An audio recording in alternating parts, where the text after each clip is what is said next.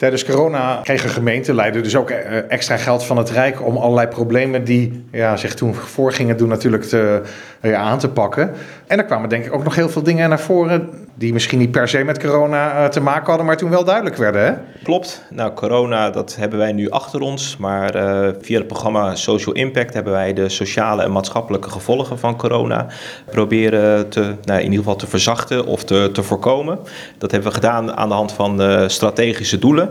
En dat is bijvoorbeeld het verbeteren van gelijke kansen, de mentale gezondheid die onder druk stond, het voorkomen van geldzorgen. En we kwamen erachter dat mensen dus die laaggeletterd waren of niet zo digitaal vaardig waren, nog harder werden geraakt door onder andere die corona-epidemie omdat ze bijvoorbeeld geen laptop hadden.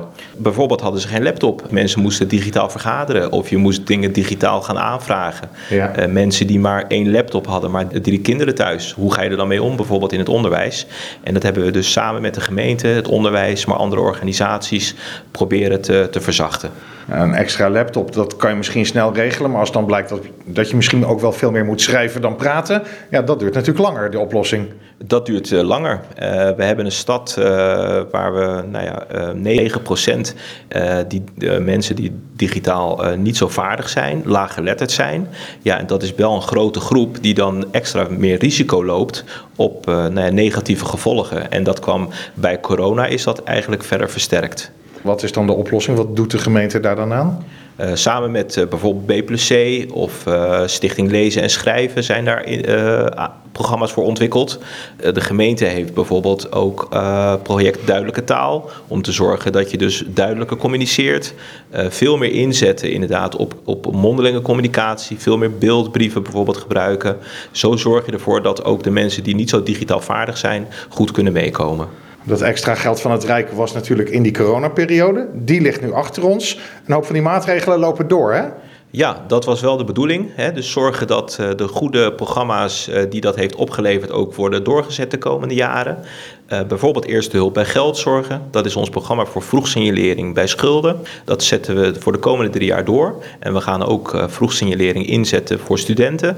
Dus bijvoorbeeld op het MBO komen wekelijkse spreekuren waar jongeren zich kunnen melden als zij ja, dreigen in de schulden te komen. En een ander programma rond de gelijke kansen aanpak. Dus op scholen gaan wij uh, mensen inzetten die de scholen en de onderwijzers kunnen helpen om ouders te verwijzen naar de regelingen die de gemeente aanbiedt. Nou, zo gaan we proberen echt die negatieve gevolgen uh, veel beter op te pakken.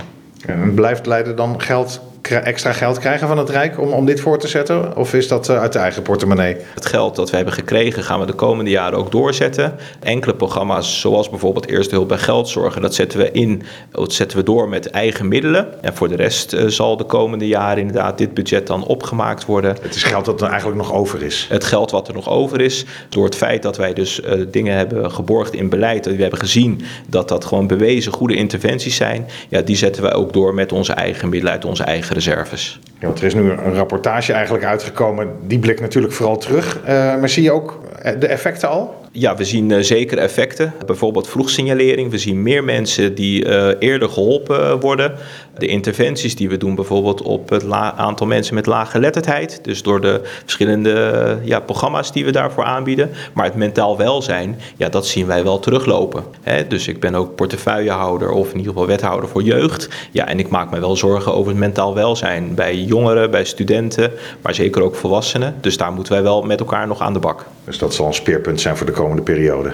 Dat is absoluut een speerpunt voor de komende periode. Dus we zien echt een groter aantal uh, kinderen die uh, ja, moeite hebben met het mentaal welzijn. We zien aan de andere kant budgetten die uh, krimpen. We zien een landelijke overheid die de bezuinigingen niet terug wil draaien. Dus we moeten echt met elkaar aan de bak om dit onderwerp hoog op de agenda te blijven houden.